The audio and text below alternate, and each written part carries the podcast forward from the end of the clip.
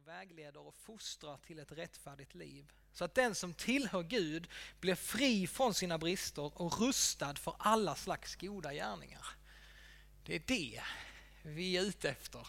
Det är det vi vill åt när vi studerar Guds ord. Vi tror att det är levande och att det är verksamt idag. Det kan förvandla våra liv. Så låt oss bara få öppna oss för Gud och för hans ord. Nu börjar vi läsa om Josef. Och då står det så här.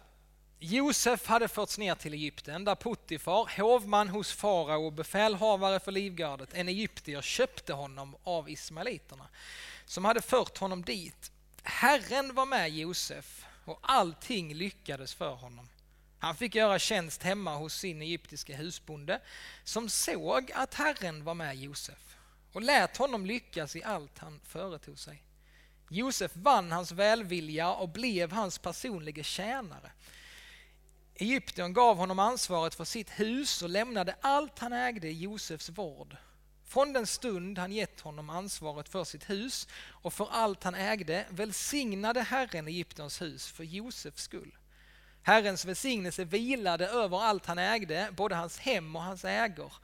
Han överlät allt han ägde i Josefs vård och med honom i sin tjänst behövde han inte bekymra sig om annat än maten han skulle äta. Alltså wow. Herren var med Josef och allting lyckades för honom. Alltså rätt snabbt så vinner han förtroende hos Puttifar. Han fick bli Puttifars personliga tjänare. Allt han ägde lämnade han i Josefs vård och allt detta händer för att Herren var med Josef.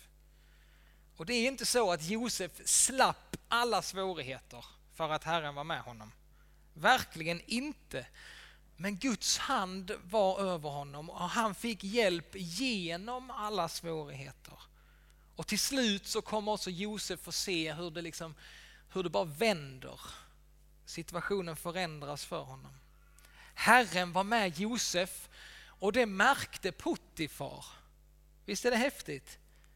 Alltså det gick inte bara bra för Josef utan det gick bra för Puttifar också. Människor runt omkring märkte. Och detta återkommer också i flera bibliska berättelser av att när en människa lever nära Gud, när en människa lever i Guds välsignelse, ja men då påverkar det omgivningen. Alltså det betyder något för ett hem, det betyder någonting för en familj, en by, en stad om det finns människor som ber, om det finns människor som lever liksom i Guds välsignelse.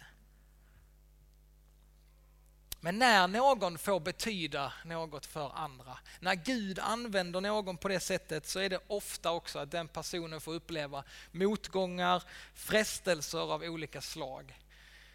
Och om vi läser vidare så står det så här om Josef att han var välväxt och vacker. Han var välväxt och vacker.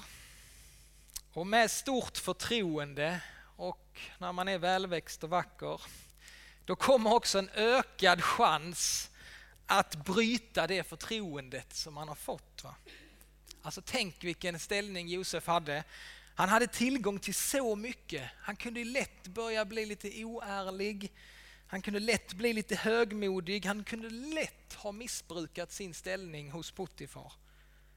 Och vet ni vad som händer? Tyvärr kan vi inte läsa alltihopa. Jag måste berätta mycket idag för att det är en sån lång passage. Men vet ni vad som händer? Jo, Puttifars hustru har ju fått syn på Josef. Och nu ber hon honom om att ligg med mig Josef. Och hon, gör, hon gör inte det bara en gång utan det står att Dag ut och dag in vädjade hon om att få ligga med honom. Och Josef han säger nej, om och om igen. Och här visar liksom Josef prov på sin karaktär. Även om han säkert lockades till detta så har han två goda skäl till varför han säger nej. Och dessa skälen de väger tyngre än hans eget begär, hans egen lusta. I vers 8 och 9 så säger han, det skulle vara synd mot Puttifar Han som har visat mig så stort förtroende. Hur skulle jag kunna göra det mot honom? Hur skulle jag kunna göra det mot så mycket ont och synda mot Gud? Säger han till hustrun då. Alltså hans lojalitet låg hos Puttifar, men den låg djupast sett hos Gud. Alltså han var så rotad i Gud så att när frestelsen kom så föll han inte, han stod pall. Och jag tycker det är så gött här också att det handlar liksom inte om religiösa regler för Josef. Det är inte så liksom, nej jag får inte göra det för jag är kristen. Det är inte så han motiverade. Va? Utan han motiverade utifrån relationen med Puttifar, relationen med Gud. Det är det som är avgörande. Hur skulle jag kunna göra detta mot Puttifar? Han som har visat mig så stort förtroende. Hur skulle jag kunna göra detta mot Gud? Det är där liksom han får sin styrka. Men till slut så tvingar hon sig på honom. Hon kastar sig på honom och han är tvungen att fly undan frestelsen. Han klarar det. Liksom. Han klarar frestelsen. Men vad händer då med honom? Jo, då straffas han med fängelse. Hustrun som har börjat gå fel väg, nu, nu så blir hon helt eh, tosig. Så hon anklagar Josef och hennes lögner får honom fängslad. Hon klarar inte att bli avvisad på det här sättet. Nu ska hon straffa Josef för att han inte ville göra så som hon ville. Alltså det här är tacket. Va?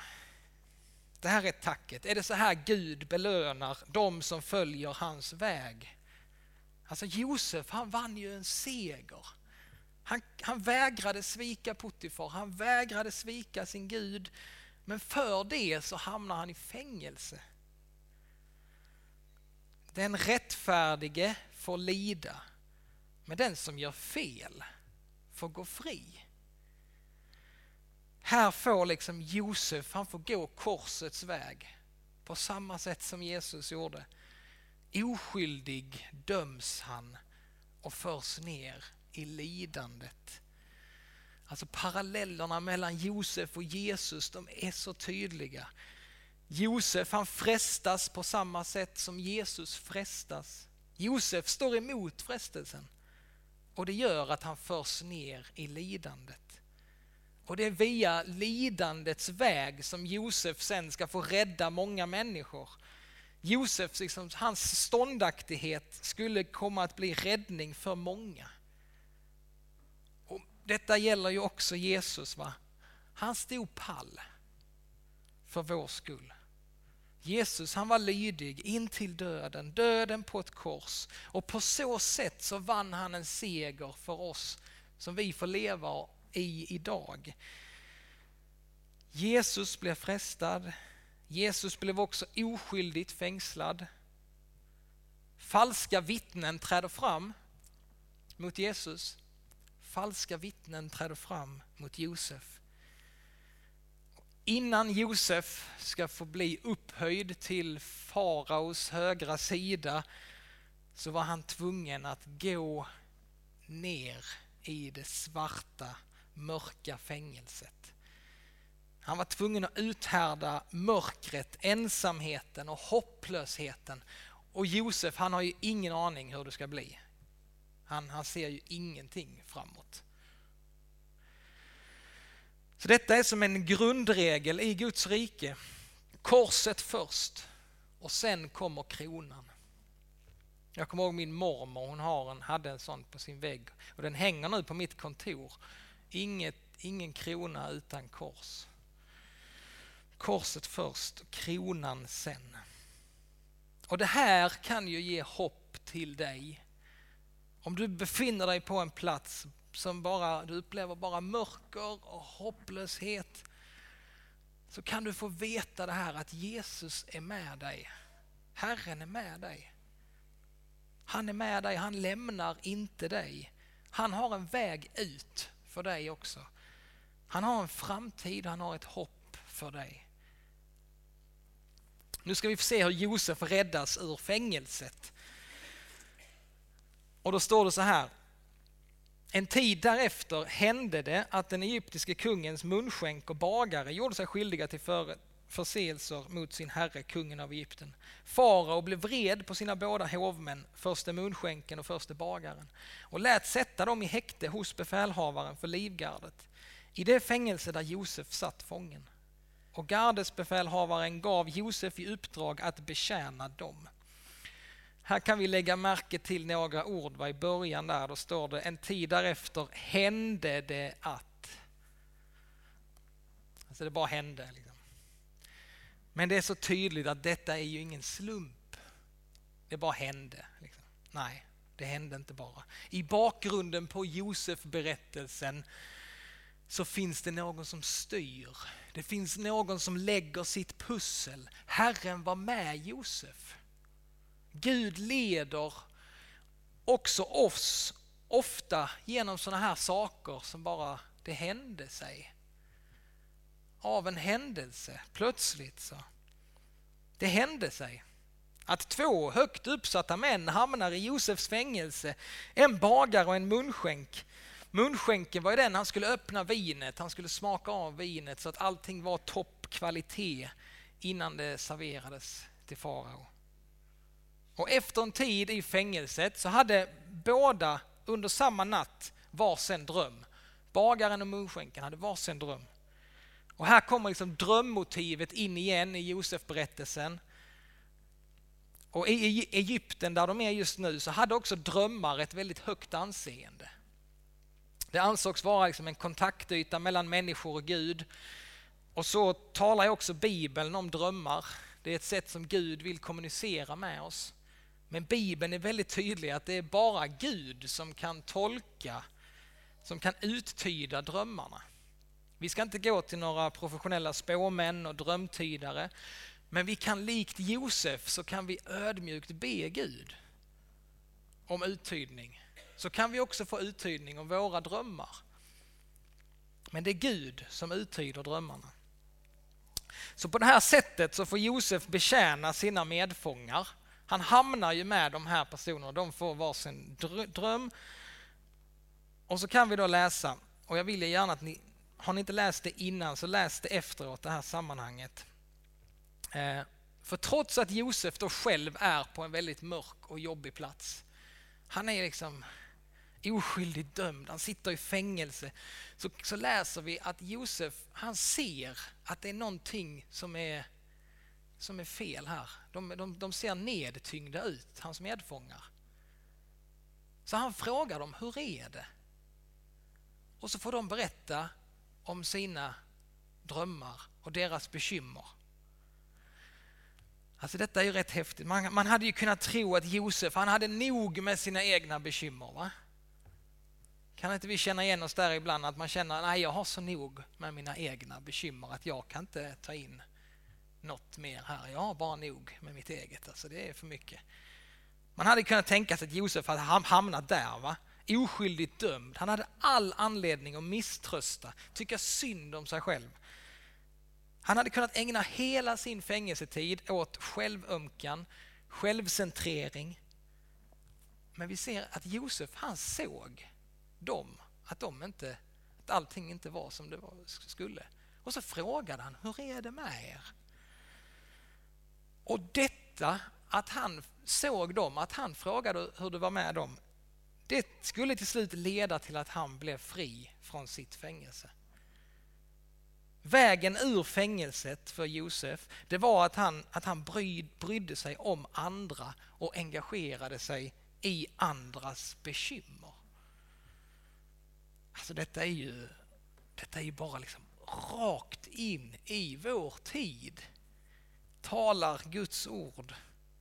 För jag tror att det är flera som har fått uppleva det här. Jag kan berätta att jag har fått uppleva det här som Josef fick uppleva. Att vägen ur min, mitt fängelse, vägen ur min ensamhet, vägen ur mitt lidande, mina bekymmer är att sluta vara så självcentrerad. Befrielsen finns inte i ännu mer navelskåderi och självömskan.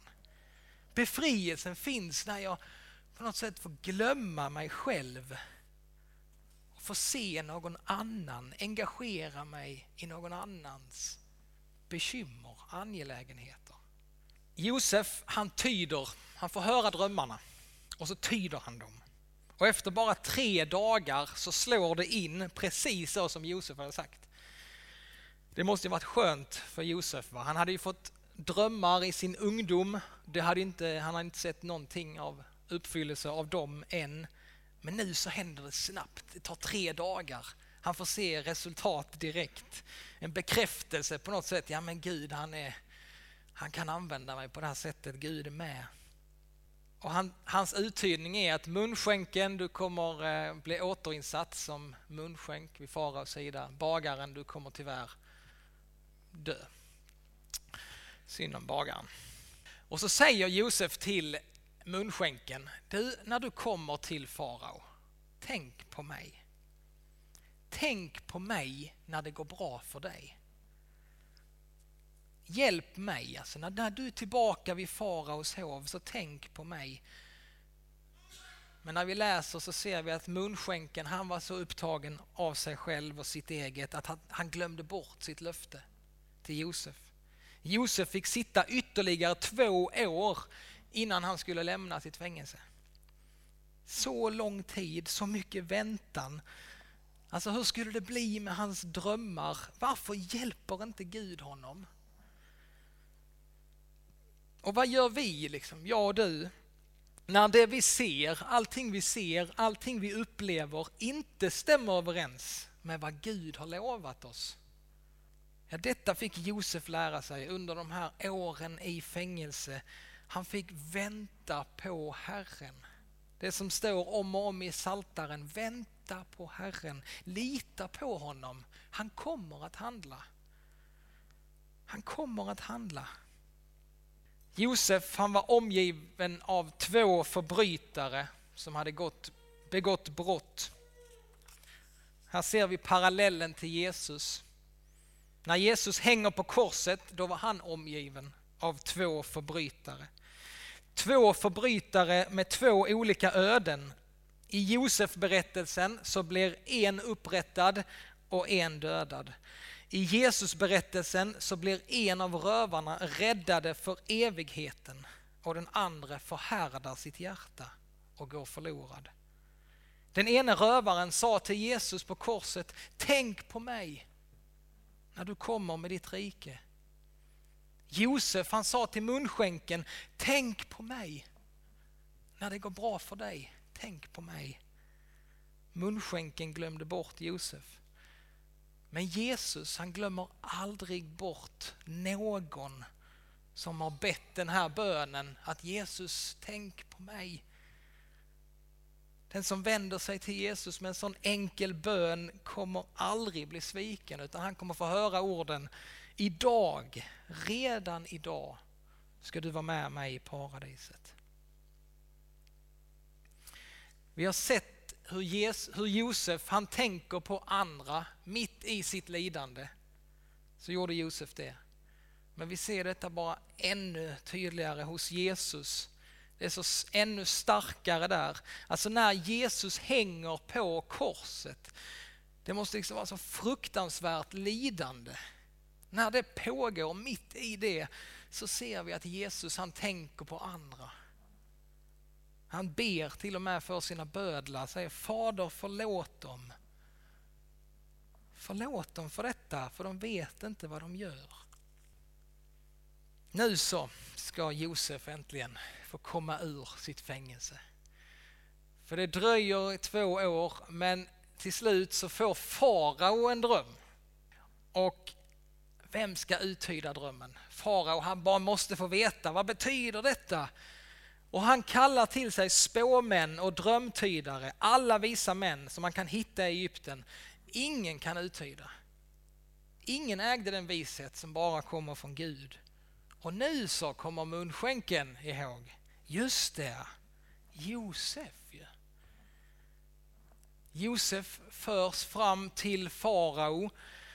Och detta är, detta är så otroligt. Alltså.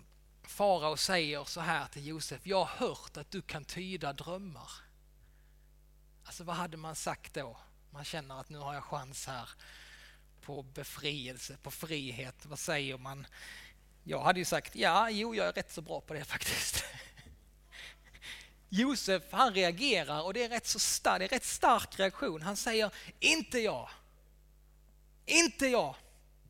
Han vägrar ställa sig i rampljuset. Han vägrar ta åt sig någon ära. Om jag tyder en dröm så är det bara på grund av Guds hjälp. Josef svarade farao, inte jag, men Gud ska ge farao ett lyckosamt svar. Inte jag, men Gud. Det är Gud som ska ha äran, det är han som kan. Petrus han argumenterar på samma sätt i Apostlagärningarna 3 så säger han så här, ni stirrar på oss som om det var genom vår egen kraft eller fromhet vi fick den här mannen att gå. Nej, inte jag, inte vi, men Gud kan.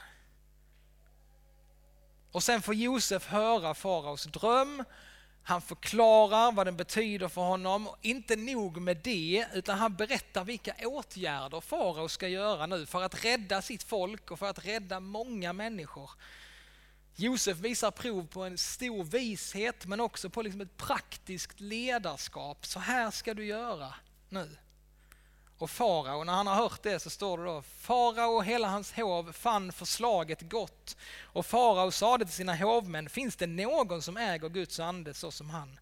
Sedan sade han till farao, till Josef, eftersom Gud har låtit dig få veta allt detta kan ingen vara så klok och förståndig som du. Du ska förvalta de kungliga egendomarna, hela mitt folk ska rätta sig efter dina befallningar. Tronen ska vara mitt enda företräde framför dig. Farao sade till Josef, härmed gör jag dig till styresman över hela Egypten. Farao drog av sig sin sigillring, satte den på Josefs finger.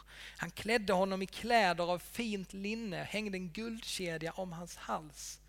Han lät honom åka i den näst förnämsta vagnen och framför honom så ropade man Avrek!